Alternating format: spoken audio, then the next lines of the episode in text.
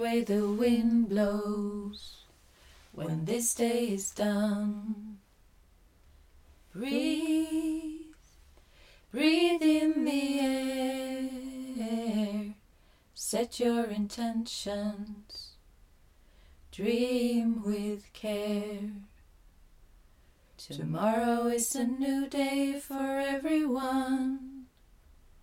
A brand new moon, a brand new sun. So follow, follow the sun, the direction of the birds, the direction of love.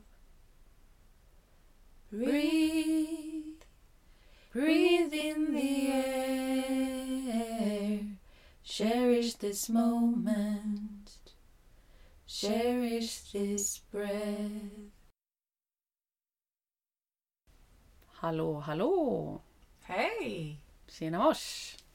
Tjena! Hur mår du? Jag mår bra tycker jag. Jag är lite småtrött idag för jag hade utbildning, eller höll utbildning igår. På, eller jag samarbetar med Samordningsförbundet och har gjort det i ett antal år. Men nu är det ett nytt projekt och nya grupper. Just det. Det var det som hette Paradigm förut va? Ja men precis. Nu heter det Progress istället. Mm. Det är väldigt roligt och väldigt givande men också ganska energikrävande. Jag ger mycket av mig själv. Mm. Jag försöker göra det. Det är ju deltagare som lider av psykisk ohälsa av olika slag. Som står utanför arbetsmarknaden Just det. och är sjukskrivna av olika anledningar och så. Och där känner jag igen mig mycket. Mm. Jag har ju också varit där. Så att det skulle lika gärna nästan kunnat vara jag som satt deltagarsidan. Men det är väldigt stor förmån att kunna få vara där och jobba. Det jag lär mig så mycket också. Mm. Hela tiden. Hur mår du själv? Eh, jag har lite PMS-läge. Igår var jag också så trött. Alltså vaknade och bara kände mig helt urlakad på energi. Och jag har försökt att sätta lite nya vardagsrutiner för mig själv. Och, eh, ja, men efter jag har lämnat barnen så går jag en runda med min hund och sen så gör jag lite yoga innan jag sätter igång och börjar jobba. Men igår kände jag så tydligt att bara, nej, jag orkar inte göra yoga. Jag vill bara ligga platt på mattan på typ de här akupressurbollarna och bara landa i kroppen. Så det gjorde jag. Så jag tog det ganska lugnt igår, vilket var skönt. Och idag har jag haft huvudvärk hela dagen eh, och känner mig lite sådär vass och kantig, du vet. Jag märkte det lite nu när vi träffades här eh, innan nu vi började spela in. Att jag är lite så här, ah, ah, men kom igen, vad, vad är det du vill säga? Bara rappa på lite, jag är lite så här otålmodig. Otålig. Just det, så heter det. Svårt ord det där. ja men exakt. Eller kan man säga otålmodig? Det kanske man kan. Annars har jag hittat på ett nytt ord. Ja. Otålig då? Jag känner mig lite otålig Mm. och lite, ja, lite kantigare än vad jag annars brukar känna mig. Mm. Jag brukar känna att jag är ganska sådär i, i kroppen, i här och nu och sådär. Och i, nu de här dagarna har jag bara känt såhär, åh, men kom igen, åh, gör det här och sådär. Och det är lite frustrerande känsla att vara i och samtidigt så får jag väl bara tillåta mig själv att vara där, att det är okej. Och jag vet att det kommer gå över det med. Det märks faktiskt inte så jättemycket på dig. Nej, vad skönt. Jag känner ju själv hur jag pratar till dig på ett annat sätt än vad jag känner att jag brukar göra. Jaha. Men det kanske känns mer inom mig själv då än hos dig. Det var ju bra. Ja, men jag tycker det. För du och jag brukar ändå vara ganska känsliga för varandras sinnesstämningar Mm. och Mm. eh, känner lätt av när det är någonting som skaver lite mellan oss. Mm. Men det känner jag inte riktigt idag Nej, vad skönt. ändå. Vi var ju hos eh, mamma och pappa i helgen Ja. eh, i slutet på förra veckans höstlov då. Ja, precis. Och eh, då var väl också, det var jag på väg att få PMS och var dessutom ganska överstimulerad efter en veckas lov hemma med barnen. Och då kände jag också så här: Ge mig space! Jag orkar inte prata med någon. Bara kläng inte på mig, förvänta dig ingenting. Liksom, nej, jag orkade inga krav, inga så överhuvudtaget. Mm. Vi skulle gå ut och hjälpa mamma och pappa och eh, kratta i trädgården ju. Mm. Och jag bara kände sånt extremt stort behov av så här, bara få vara tyst inne, ensam. Mm. Ehm, så jag sa ju det, jag bara lämna löv till mig, jag kan ta det sen men jag måste bara få vara själv ett tag. Så jag låg ju uppe på övervåningen och typ stretchade och gjorde yoga och mindfulnessövningar och sånt i två timmar tror jag. Mm. Innan jag kände så här: okej, men nu kan vi umgås. Precis, du var tvungen att ladda lite. Ja, och där har jag ju innan jag har liksom landat i så här, okej men vad handlar det här om? Varför känner jag mig på det här sättet? Så är det ju lätt att man gör sig lite fel för det. Så här, men nu är vi äntligen hos mamma och pappa, jag kan väl anstränga mig lite. Och nu kan jag väl vara lite trevlig och hjälpa till och bjuda till. Och sen ganska snabbt så bara, nej men det är ju inte konstigt, jag är helt slut av stimulans i flera dagar. Mm. Och hormonellt påslag och allt annat. Ehm, Så det här är inget fel.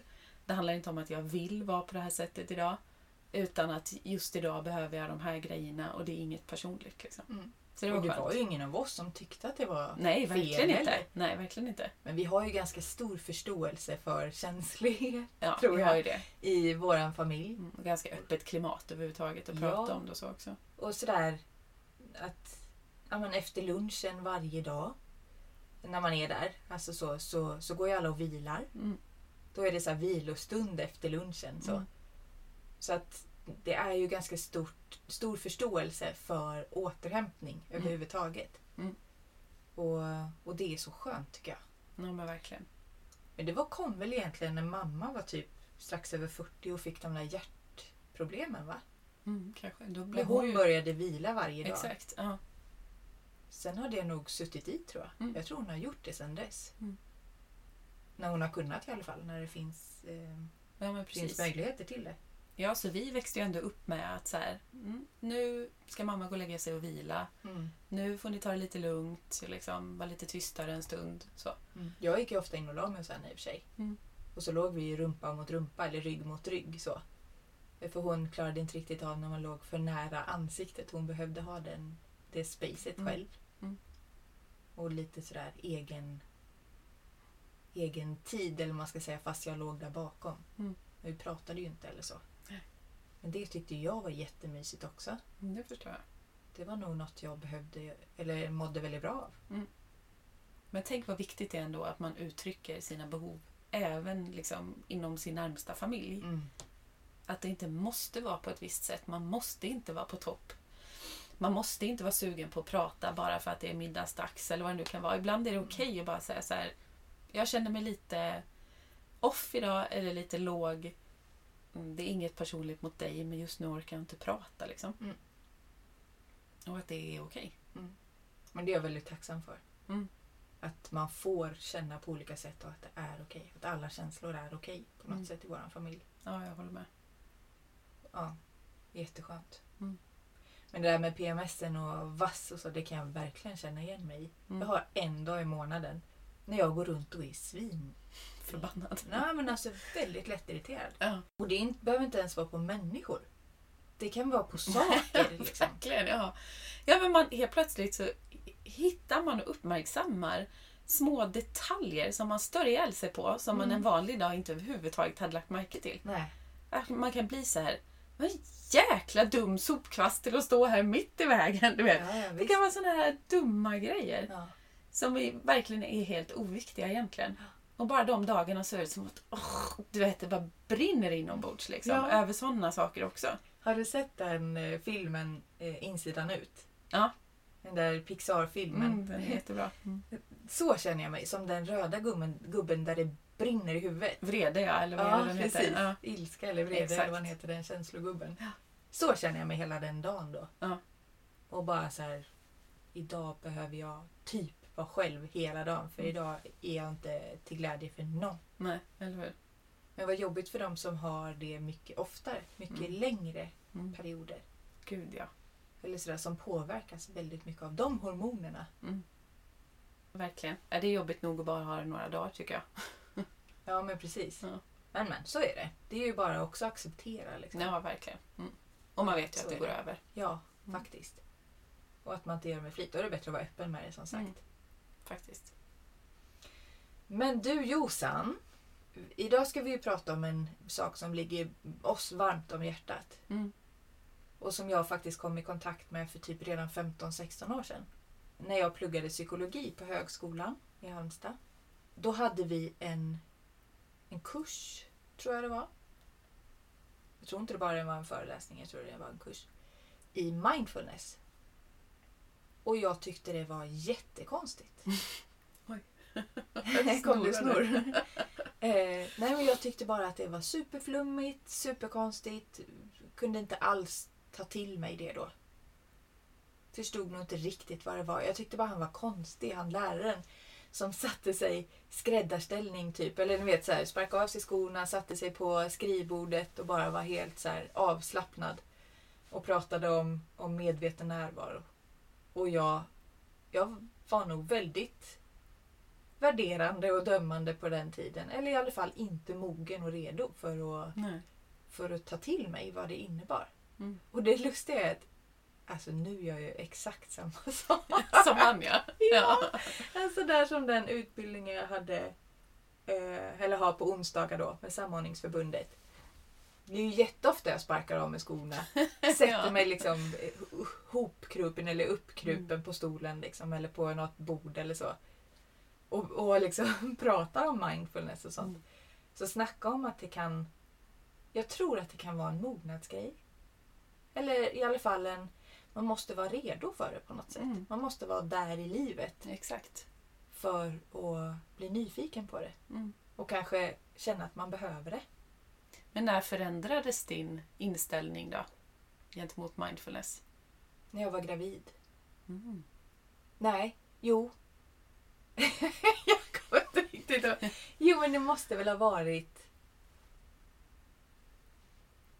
Nej, det måste ha varit innan det på något sätt. Jag kommer inte riktigt ihåg.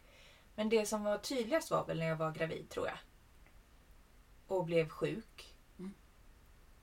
Eh, och började lyssna på avslappningsövningar och förstod hur mycket det, hur det faktiskt hur mycket det hjälpte mig. Och sen var det, gick jag ju gravidyoga. Mm, just det, det Och jag. så läste jag de där eh, förlossningsförberedande böckerna där det var eh, både mental träning, mindfulness, Mm. avslappning. Det går ju ihop i varandra också till stor del ju. Men, men det var väl då. Och sen så var det ju under min utbildning till stresspedagog först. Och sen gick ju du och jag utbildningen till mindfulnessinstruktörer. Mm. Så att jag har ju byggt på och byggt på och byggt på. Men jag nu. kommer ihåg när du gick den stresspedagogutbildningen Mm. att du var helt typ förälskad i mindfulness. Alltså att du kom jag hem och bara Det här är så häftigt. Det här är typ det bästa jag någonsin hört talas om och jag älskar det här. Ja, du var verkligen helt uppfylld av det. Eh, Det har jag glömt. ja, men jag kommer ihåg det. Ja. Och då fattade inte jag riktigt vad det var. Ehm, och ja, jag kunde liksom inte greppa riktigt. Så här, men vad är det? Är det när man mediterar? Eller liksom, vad, vad handlar det om? Så, här? Ehm, så att jag, och när vi hoppade på den här utbildningen till att bli instruktörer, då hade jag ju gått en kort, bara två eller tre dagars kurs innan också i mindfulness Mhm. och om självmedkänsla. Ehm, Mhm, säger jag som att jag inte varit med överhuvudtaget på den här resan. Var du varit de här åren? ja, så sjukt dåligt minne. Mm, var det inte? Nej, men, eh, och då tyckte jag också att det verkade jättespännande och intressant. Men jag hade ju svårt att se eh, riktigt vad det skulle kunna göra för skillnad för mig eller hur jag skulle kunna lära ut det till andra liksom, och inspirera. Eh, men det känns ju som att både du och jag har ju haft otroligt stor behållning av att lära oss det här med mindfulness. Alltså att det har verkligen gjort stor skillnad i våra liv. Ja, herregud. Eh, Det har ju nästan förändrat våra liv skulle jag vilja säga. Ja men verkligen. Ja. Och det är inte minst de här olika mindfulness-attityderna som Mm. finns. Men exakt, men kan inte du be- berätta lite grann igen? Det är ju säkert, säkert lyssnare som har hört oss prata om mindfulness förut och att vi har beskrivit det lite. Men kan inte du göra det igen bara så de får lite repetition? Men jag kan beskriva också vad det, vad det är för mig. Vad mindfulness är för mig. Det är ju att vara alltså medvetet närvarande här och nu. I stunden, i sin kropp, i det som är. Utan att värdera eller döma det. Bara Mm. lägga märke till det som är. Egentligen uppleva kan man Mm. väl säga. Mm. Uppleva verkligheten som den är precis här och nu. Mm. utan att värdera eller döma den. Ja, men precis. Så det handlar ju väldigt mycket om att uppleva genom sina sinnen. Eller ta hjälp av sin andning. För andningen och sinnena är ju alltid i nuet. Mm. Och det är ju med dem man upplever på något sätt. Mm. Ja, sinnena i alla fall då. Mm. Men det är ju så mycket att uppleva och upptäcka när man börjar tänka mindfullt. Mm. Inte minst det här med att äta medvetet närvarande till exempel. Mm. Hur ofta slänger vi inte i oss maten bara utan att ens reflektera, ja, knappt reflektera i alla fall, över vad det smakar eller luktar. Mm. Och så missar man så mycket i upplevelsen. Verkligen. Men om man då istället stannar upp och verkligen fokuserar. För mindfulness för mig är väldigt mycket fokusträning. Mm. Att man medvetet fokuserar på olika saker. Och fokuserar man då på smak och lukt så förstärks ju de. Mm. Så, så upplevelsen av ätandet blir ju, blir ju så mycket mer. Eller som jag sa till dig starkare. för en stund sedan. Att ibland så kan jag tycka det är så häftig upplevelse eller njuta extra av att dricka kallt vatten till exempel. När jag fokuserar på hur det känns när vattnet verkligen passerar ner genom halsen och ner i magen. Alltså att då, då känner jag på ett annat sätt att så här, mm, gud vad gott det var med kallt vatten. Än när man bara häller i sig det Mm. och inte reflekterar över alls. Det blir liksom en mycket djupare upplevelse vad man än gör när man gör det i medveten närvaro. Mm. Man kan ju säga att medveten närvaro nästan, nästan är motsatsen till stress. Mm. För när vi stressar så är vi ju ofta, alltså vi är ofta uppe i huvudet. Och på och autopilot. tänker- Ja, uppe i autopilot. Att man Mm. inte ens reflekterar över vad Bara man gör. Mm. Utan man bara ja, man, man gör det som man brukar göra på något sätt. Mm. Eh, utan man blir också mer-. Man blir också mer reaktiv, alltså reagerar mer. Alltså när man går i autopilot eller när man är i, i stressen så reagerar man ju bara utifrån här och nu och känslan och sådär och hinner ju inte alltid reflektera över så här, okej, men behöver jag verkligen bli så här upprörd för det här eller eh, om jag kan backa och ta ett steg tillbaka här så kanske det egentligen inte är någonting jag behöver gå igång på. Och det hjälper ju mindfulness till. Man blir mer proaktiv istället och kan liksom fundera över mer. Liksom, vad är relevant? Hur påverkar det här mig? Hur vill jag agera? Mm. Eh, och sen lugnar ju mindfulness ner hela det här med amygdalan och liksom brandvarnaren som vi har i oss, inte minst som vi högkänsliga verkligen påverkas av. Mm. Så mindfulness tänker jag är en liksom otrolig nyckel eller vinst för många högkänsliga för att hitta ett liksom större lugn i sig själva och i sitt liv också. Verkligen. Och det finns ju nu för tiden så har ju mindfulness gått från att vara något väldigt flummigt och abstrakt till att det finns mycket forskning på det. Mm. Att det finns i det finns accepterat eller vad man ska säga inom den vanliga vården. Mm. Det står ju finns på ju- 1177 om det. Mm. Precis, det finns olika övningar på 1177. Det kommer mer och mer hela tiden. Mm. Det finns jättemycket evidensbaserad forskning som visar vilka goda effekter mindfulness har Mm. för ens välmående. Mm. Kan inte du läsa den? Eller jag kan läsa. Eh, vad det har för goda effekter. Bland annat. Det finns ju mycket mer än det här också. Men det här är lite av grejerna i alla fall. Det står att mindfulness gör så att vi reglerar vår uppmärksamhet, får en ökad kroppsmedvetenhet, reglerar våra känslor, får ett förändrat perspektiv på oss själva, lugnar hotsystemet och aktiverar trygghetssystemet, blir bättre på att göra medvetna val och komma ifrån autopiloten. Att det lugnar ner kroppens brandvarnare, alltså amygdalan, genom regelbunden meditation. Stärker vårt immunförsvar, minskar oro och förbättrar vår sömn. Och så Mm. står det också att människor som är mer medvetet närvarande i vardagen är enligt forskning lyckligare. Och det kan ju du och jag säga. Mm. Vi är ju bevis på det i alla fall. Mm. Att eh, vi mår ju definitivt bättre. Vi har ju nästan det här i ryggmärgen nu. Nu har Mm. vi ju tränat på det så mycket så att vi lever ju mindfullt skulle man kunna säga. På ett helt annat sätt idag än vad vi gjorde för, för 5-10 år bakåt. Mm. För mig handlar ju mindfulness inte minst som sagt om ett förhållningssätt gentemot livet eller i livet. snarare än bara kanske renodlade meditationer. Mm. Eh, för det är inte jätteofta jag sätter mig ner och mediterar på det sättet. Däremot är jag ofta medvetet närvarande i olika vardagliga situationer eller så som jag gör. Mm. Eller om jag går ut med, med min hund, eh, som häromdagen, så gick jag ut och satte mig i skogen och bara kände på mossan och kände på pinnarna och luktade på kottarna. Alltså det är ju verkligen eh, att vara medvetet närvarande. Och det tror jag kan upplevas som väldigt, väldigt flummigt Ja, av, av människor som inte är vana att göra så. det tror jag också. Som inte är vana att stanna upp och Mm. inte är vana att uppleva på det sättet. Ehm, Men om, när man börjar göra det så, så märker man hur, hur skönt det är. Mm. Hur avstressande det är. Mm. Och lugnande verkligen. Eh, och att man öppnar upp sina sinnen. Mm. Och får vara med och uppleva mycket mer som man annars hade missat. På vilket sätt skulle du säga att du oftast är medvetet närvarande eller praktiserar mindfulness? Brukar du meditera mycket eller är det också mer att du är uppmärksam liksom, och medvetet närvarande i sånt som du ändå gör? Jag skulle vilja säga att det går i lite perioder för mig. Ehm, jag är nog medvetet närvarande i mycket som jag gör nu för tiden. Mm. Eh, Man kan ju inte vara här och nu precis hela tiden. Det kan man inte för man måste ibland planera framåt eller reflektera bakåt och sånt. Men jag försöker att, eller försöker, jag tror faktiskt att det går lite av bara farten nu för tiden också. Att jag upplever mycket det jag gör. Mm. Det kan vara att jag är ute och går en promenad. Att jag uppmärksammar vad jag ser, vad jag hör, vad jag känner för dofter. Mm. För att jag bara älskar. Jag bara älskar att uppleva.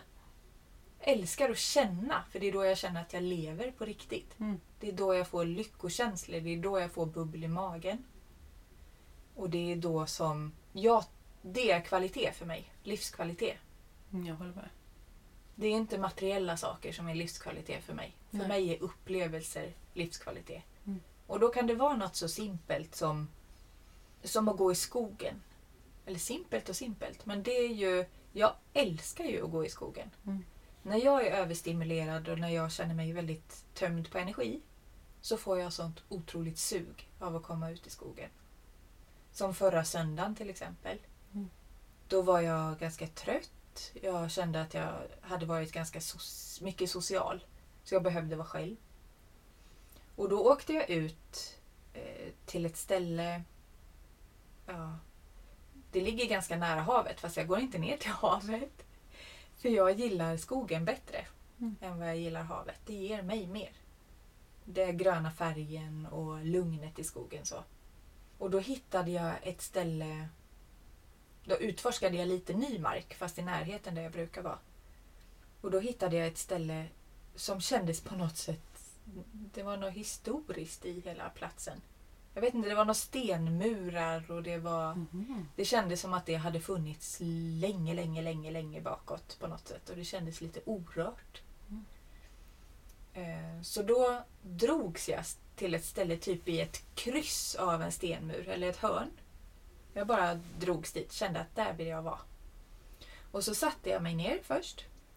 För det brukar jag också känna att jag behöver sätta mig eller lägga mig ner. Mm. Det får jag också något sug efter att göra. Det räcker inte att jag står utan jag vill på något sätt bara kunna slappna av totalt. Kanske sova en stund. Eller vila. Men då satte jag mig i alla fall där. Satte på lugn musik. Sån här piano och bara härlig instrumental musik. Så.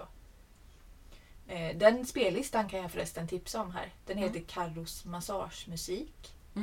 Just det, den brukar jag också lyssna på ibland. Den är jättemysig. Ja, den finns eh, öppet på Spotify så den kan man gå in och lyssna på. Men då satte jag på den och så satt jag där i skogen. Och helt plötsligt så ser jag eh, någonting kila liksom ut och in från stenmuren. Och så känner jag inte igen det riktigt. Alltså det var inte en mus och det var liksom inte något sånt. Men så fick jag så här, gud den där är verkligen snabb som en vessla. så då bara, men gud det kanske är en vessla. Mm. Så googlade jag på det och då var det ju en vessla. Det är första gången jag har sett det i hela mitt liv. Ja, det vet jag inte om jag någonsin har sett. Nej. Och det hade jag ju aldrig sett om jag inte hade satt mig där Nej. och bara varit en stund. Och bara upplevt Jag hade missat den för det var millisekunder man såg den. Så. Mm, jag förstår det. Ehm, Men i de lägena, där är jag verkligen medvetet närvarande. Mm. När jag åker ut i skogen, när jag lägger mig ner och bara på något sätt känner in hela kraften från jorden eller vad det nu är. Jag kan inte förklara det. Mm. Eh, ja, men bara vara i naturen, ta på saker i naturen. Känna den luften i naturen och i skogen. För det vet man ju också vetenskapligt. Att det är ju fytonsider heter det, som stä- stärker vårt immunförsvar. Just det. Så att det finns mycket forskning om att man faktiskt mår bra där. Mm. Men där älskar jag att vara mindful. Mm. Men sen ska jag säga förresten att jag gör lite så här meditationer då och då. Mm. Eh, jag skulle nästan säga att jag gör det, inte kanske varje dag, men i alla fall varannan dag. Lyssna på någon kroppsskanning eller någon guidad avslappning eller sådär. För att Mm. jag tycker det är härligt. Jag känner igen mycket av det också. Naturen hjälper mig också verkligen att landa här och nu. Ehm, Jag gillar ju att fotografera mycket. Och det hjälper mig att liksom uppmärksamma också. Jag fotograferar ju mycket, tar ju otroligt mycket bilder med intentionen att jag ska lägga upp det på mitt Instagramkonto. Sen är det ju säkert inte ens en tredjedel som jag lägger upp. Men jag, jag får verkligen så här, åh gud, det här var fint. Och den här lilla detaljen. Och det kan vara liksom men sådana små saker som man kanske normalt sett skulle gå förbi. Alltså någon löv som skiftar i någon fin färg eller ja, vad som helst. Men som jag ofta fångas av och blir så här fascinerad av. Mm. Eh, Så det, det tycker jag är jättehärligt att gå i naturen och bara uppleva det som är. Mm. Sen lyssnar jag också ibland en del på såna här olika eh, avslappningar, kroppsskanningar och sånt. Inte kanske så ofta som jag egentligen skulle vilja, för jag glömmer bort det ibland tror jag, eller liksom tänker inte på det. Men jag tycker att det är väldigt härligt att göra det. Mm. Och det som är nästan den härligaste känslan tycker jag, eller bland de härligaste känslorna som, eller tillstånden eller vad jag ska säga, som jag har upplevt, är om man mediterar eller gör någon typ av sån avslappning. Och man blir så avslappnad så att man är precis mellan vaken och sovande. Mm. Man sover inte, men man är verkligen avslappnad i hela kroppen. Kallas för djupavslappning. Alltså det är så skönt och så läkande. Mm. Det det. Alltså där vill man bara få boa in sig ett tag. Liksom. Man pratar ju om alfa och betavågor och sådana här saker. Mm. Och just djupavslappning, då kommer man in i en speciell frekvens Mm. som är otroligt läkande Mm. för kroppen. Ja, det känner man verkligen tycker jag. Mm. Att det gör så gott för kropp och själ. Mm. Ehm, Och det kan ju räcka härligt. att man faktiskt sätter sig ner, bara fokuserar på att slappna av i ansiktet Mm. och fördjupa sin andning. Och för varje utandning så slappnar man av lite till. Mm. Bara genom att göra en sån sak i, ja men säg kanske mellan 10 och 20 minuter. Då hinner man komma ner i Mm. den där djupa avslappningen. Jag upplever att det är lättare att göra det när jag lyssnar på en guidning än om jag bara ska sitta och göra det själv. Mm. Eh, Då fastnar jag lätt i det här monkey mind som det heter. Att tankarna bara hoppar runt hit och dit och kors och tvärs. Och även om det funkar så för alla och det är okej och man ska bara plocka tillbaka uppmärksamheten igen till andningen eller vad det är. Så har jag svårt att uppnå samma eh, djupa avslappning Mm. när jag bara eh, liksom ska fokusera eller meditera själv. Mm. eh, Mot om jag då lyssnar på en guidad meditation eller så. Precis. Och det är ju verkligen, verkligen någonting för alla människor som man får träna upp. Det här är ingenting man är bra på automatiskt Nej. heller. En viktig sak att säga kanske är ju att mindfulness egentligen inte handlar om avslappning utan handlar mer om fokusträning Mm. Och mental träning kan Mm. man säga. Att man programmerar om hjärnan. Mm. Sen är avslappning en annan, en annan del och man kan kombinera också sådär. Mm. Men så att man inte blandar ihop det för mycket. På våra retreat brukar vi prata om några exempel på när man inte är medvetet närvarande. Mm. eh, Som jag tänkte kan vara lite intressant att läsa upp. Så kan ni som lyssnar på det här bara se om ni känner igen er. Mm. Det är till exempel då när man glömmer en persons namn så fort man har hört det. Eller när man glömmer bort vad man har sagt eller vad man har lagt saker. När man kanske inte lyssnar på svaret efter man har ställt en fråga. När man inte njuter av sånt som man vet att man egentligen tycker om. eller när man springer mellan olika aktiviteter utan att egentligen vara uppmärksam på någon utav dem eller vad man gör. Mm. Och jag tror att de flesta kan nog känna igen sig ganska många av de Men exemplen. Mm. Ja, det är lätt att hamna där. Ja, det är ju det.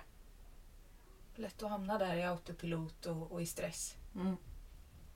Och jag blir ju ofta eh, väldigt så här fastnar i multitasking när jag blir stressad. Att då ska jag göra mycket saker på en och samma gång och ja, men försöka optimera tiden. Och det är så jag ofta märker att okej, nu behöver jag sakta ner tempot lite. Just det. Men får du gjort de sakerna då? För jag är ju sån att jag hoppar mellan grejer men jag får ingenting gjort egentligen. Nej, så kan det också vara. Men eh, det är mer också att jag märker att jag verkligen inte är medvetet närvarande om jag äter mat och samtidigt ska jag sitta och skriva någonting. Eller om jag går promenad och samtidigt så ska jag lyssna på någonting. Eller du vet, lyssna på en podd eller göra någonting. Eh, Då är det ibland svårt att vara närvarande ordentligt i stunden. Mm. Ja, helt klart är ju i alla fall att vi älskar mindfulness och att det har haft en väldigt stor skillnad för oss i våra liv. Eller Mm. hur? Ja, verkligen. Mm. Jag är så glad att jag, att jag sprang på det tänkte jag säga. Och att jag har verkligen fått, fått djupdyka i det. Jag håller med. Det känns som att jag får njuta också ännu mer av de positiva sidorna i min högkänslighet genom mindfulness. Mm. Verkligen stanna upp och ta in allt det härliga och vackra och allt det där som liksom känns extra härligt i kroppen. Mm. Det, det handlar väl om att uppleva tror jag. Mm. Bara istället för att överleva eller till och med leva så får man uppleva. Mm. Faktiskt. Jag tror att det är det som ofta ger lycka, lyckokänslor. Mm. I stunder där man upplever. Mm. Det tänkte jag på faktiskt i morse bara när jag var ute och gick på promenad med min hund. Att jag är så glad för allt som jag får uppleva Mm. Och njuta av. Mm. Det är härligt. Där skulle jag nästan vilja tipsa om Elin... Hur uttalar man hennes namn? Jag blir galen. Kjos? Kjos? det stavas ju. K-J... Nej, K.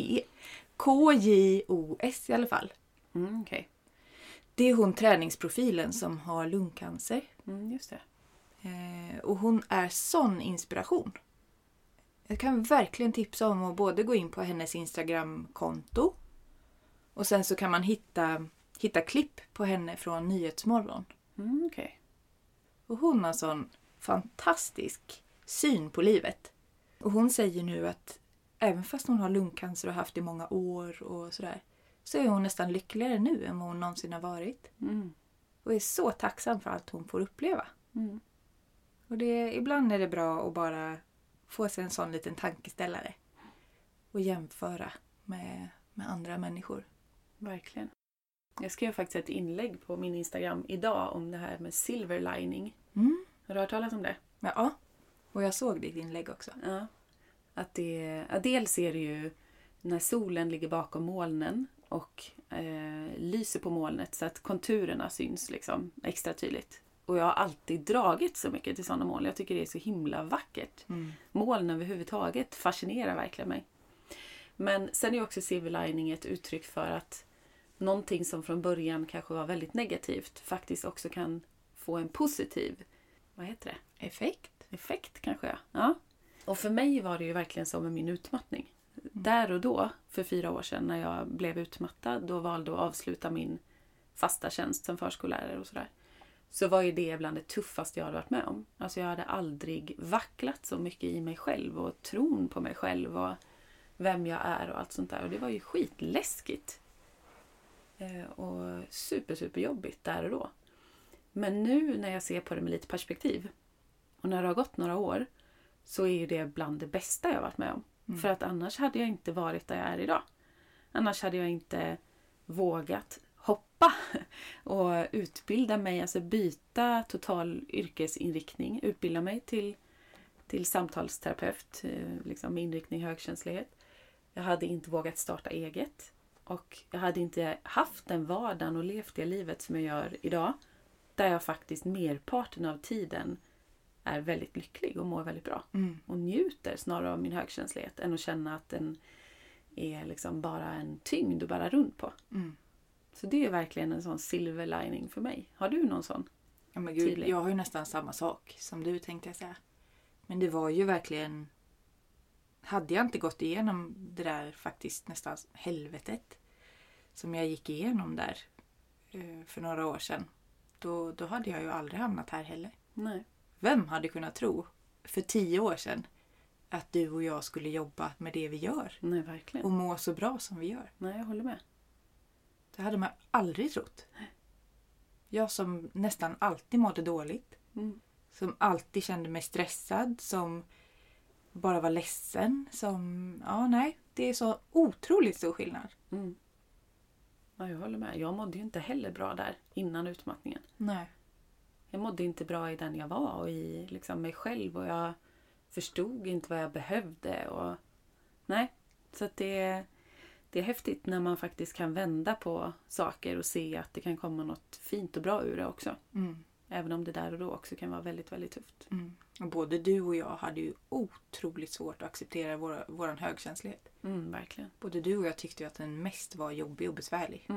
Vill bara putta bort det liksom. Ja, jag, bara, jag kommer ihåg att jag önskade att det fanns en volymknapp där jag kunde vrida ner min känslighet. Mm. Det var nästan min så högsta önskan. Mm. Och nu vill jag inte alls göra det. Nu tycker jag att den är jättefin. Liksom. Mm. Jag älskar min högkänslighet.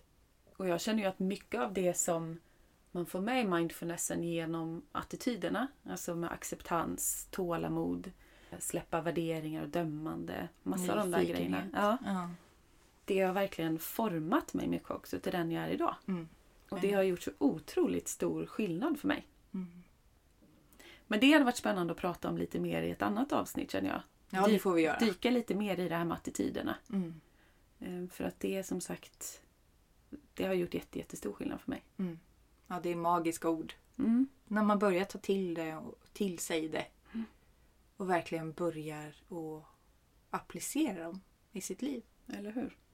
Man kan ju fråga sig själv också det att om jag hade haft mer av de här attityderna i mitt liv, om jag hade tränat på att faktiskt gå in i saker med nyfikenhet eller vara mer tacksam över det jag har i livet eller Mm. försöka släppa dömande och värderingar. Sådana saker. Mm. Hur hade mitt liv kunnat se ut då? Hur hade jag kunnat må då?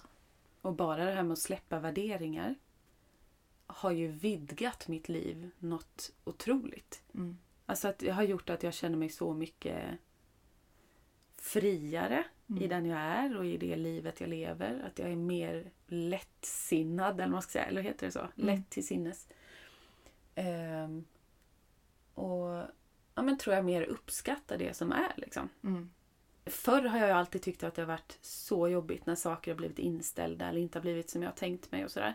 Och har ofta värderat det då som fel och du vet fokuserat på allt det negativa med det. Medan jag nu för tiden ganska snabbt kan växla över till okej, men det är okej. Det var tråkigt att det inte blev av, men det är okej. Mm. Då kanske det blir något annat istället. Och då blir ju inte situationen i sig så tung för en Nej. att hantera. Då blir det ju så mycket lättare att faktiskt kunna släppa taget och gå vidare. Mm. Verkligen. Ja, nej, det får vi helt klart eh, lägga lite mer tid på att prata om vid senare tillfälle. Ja, det får vi göra. Men ska vi passa på också att nämna lite vad som kommer framöver? Mm. Och eh, under början av 2022 också. Eller först och främst kan jag ju säga att eh, jag och Martina, eller Tina, som jag har podden om högkänsliga barn med. Vi ska ha en föreläsning om högkänsliga barn online via Zoom den 6 december. Eh, som man gärna får anmäla sig till.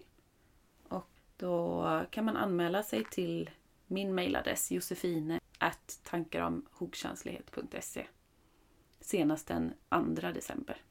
Just det. Och hur, hur hittar man länken? Du mejlar den till dem då eller? Ja, precis. Jag mejlar ut länken sen efter att man har anmält sig. Man kan läsa lite mer om det på både Instagram och Facebook och sånt också va? Yes. Mm. Dina konton där. Precis, och på min hemsida också. Tankaromhogkänslighet.se Just det. Och sen till våren, om, om allt blir som vi har tänkt, eh, så kommer jag ju ha två retreat med dig och två retreat med Tina. Eh, och Tina och jag kommer först ha ett retreat den 11 till 13 februari. Och då handlar det om högkänsliga barn. Och sen så kommer vi också ha ett som handlar om högkänsliga tonåringar. Antingen för högkänsliga tonåringar eller om också. Det kan vara högkänsliga tonåringar som kommer dit men det kanske också är någon som jobbar med tonåringar eller en förälder till en högkänslig tonåring. Eller kanske både en tonåring- och en förälder från samma familj som kommer. Det hade varit spännande. Berätta lite mer bara om själva retreatet. Vart det ligger och... Eh, vi kommer ju ha alla de här fyra retriten på Säbyholms gård utanför Laholm. Det är ju ditt och mitt guldställe. Eh, Där vi bara kände sån halleluja moment när vi kom dit första gången. Så vi kommer hålla till där. Och eh, Tinas och mina retreat kommer ju vara eh, fredag till söndag. Och dina och mina kommer ju vara fredag till måndag. Mm. Och det här som är då om högkänsliga tonåringar det kommer vara den 8 till 10 april. För det ena retreatet anmäler man sig till Tina och för det andra anmäler man sig till mig. Men eftersom det än så länge ligger lite längre fram så har man intresse för något utav dem så kan man mejla mig än så länge. Just det. Och man kan gå in och läsa mer detaljerat om dem också ju. Ja men På, precis, på din hemsida. det kan man. Eh, och du och jag då, vi kommer ju från och med i vår eh, dela upp våra retreat lite mer. För förut har vi haft högkänslighet och stresshantering i samma retreat. Och vi kände att eh, vi ville ha dem på två olika retreat för att man skulle kunna djupdyka lite mer. Mm. Så det som du och jag har först då den 11 till 14 mars. Det kommer att handla om högkänslighet, känslohantering och mindfulness. Mindfulness är ju en stresshanteringsmetod kan man ju också säga. Men vi går inte så djupt in på vad stress är. Nej, inte så mycket teori på det Nej. sättet. Nej. Vi kände att vi hann inte med det så bra. Det blev för mycket korvstoppning. Så därför har vi ju valt att dela upp det lite mer. Ja men precis. Vi kommer ju prata mer om det. Stresshantering, mindfulness och mental träning. Och det kommer ju vara på det retreatet som är den 3 till 6 juni. Så härligt för det är ju redan människor som har gått våra tidigare retreat som faktiskt har anmält sig dit. Ja verkligen. Eller hur? De som har gått det första med högkänslighet och känslohantering. Som nu vill ta steg två om man säger så. Mm. Och det är så härligt. Snacka om kvitto på att de har trivts. Ja men Och att man verkligen. tyckte att det har gett något. Det är bästa feedbacken man kan få egentligen. Verkligen.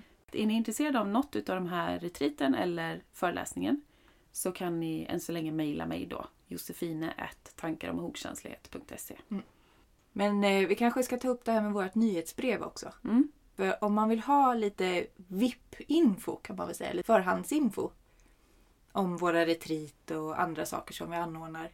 Då kan man vara med i vårt nyhetsbrev. Och då får man ett mejl och har chansen att kunna anmäla sig tidigare. Och det var ju det de gjorde. Egentligen de som eh, som sagt hade varit på vårt retreat tidigare och som anmälde sig nu till, till det här med mental träning och stresshantering och mindfulness Ja, men precis. juni.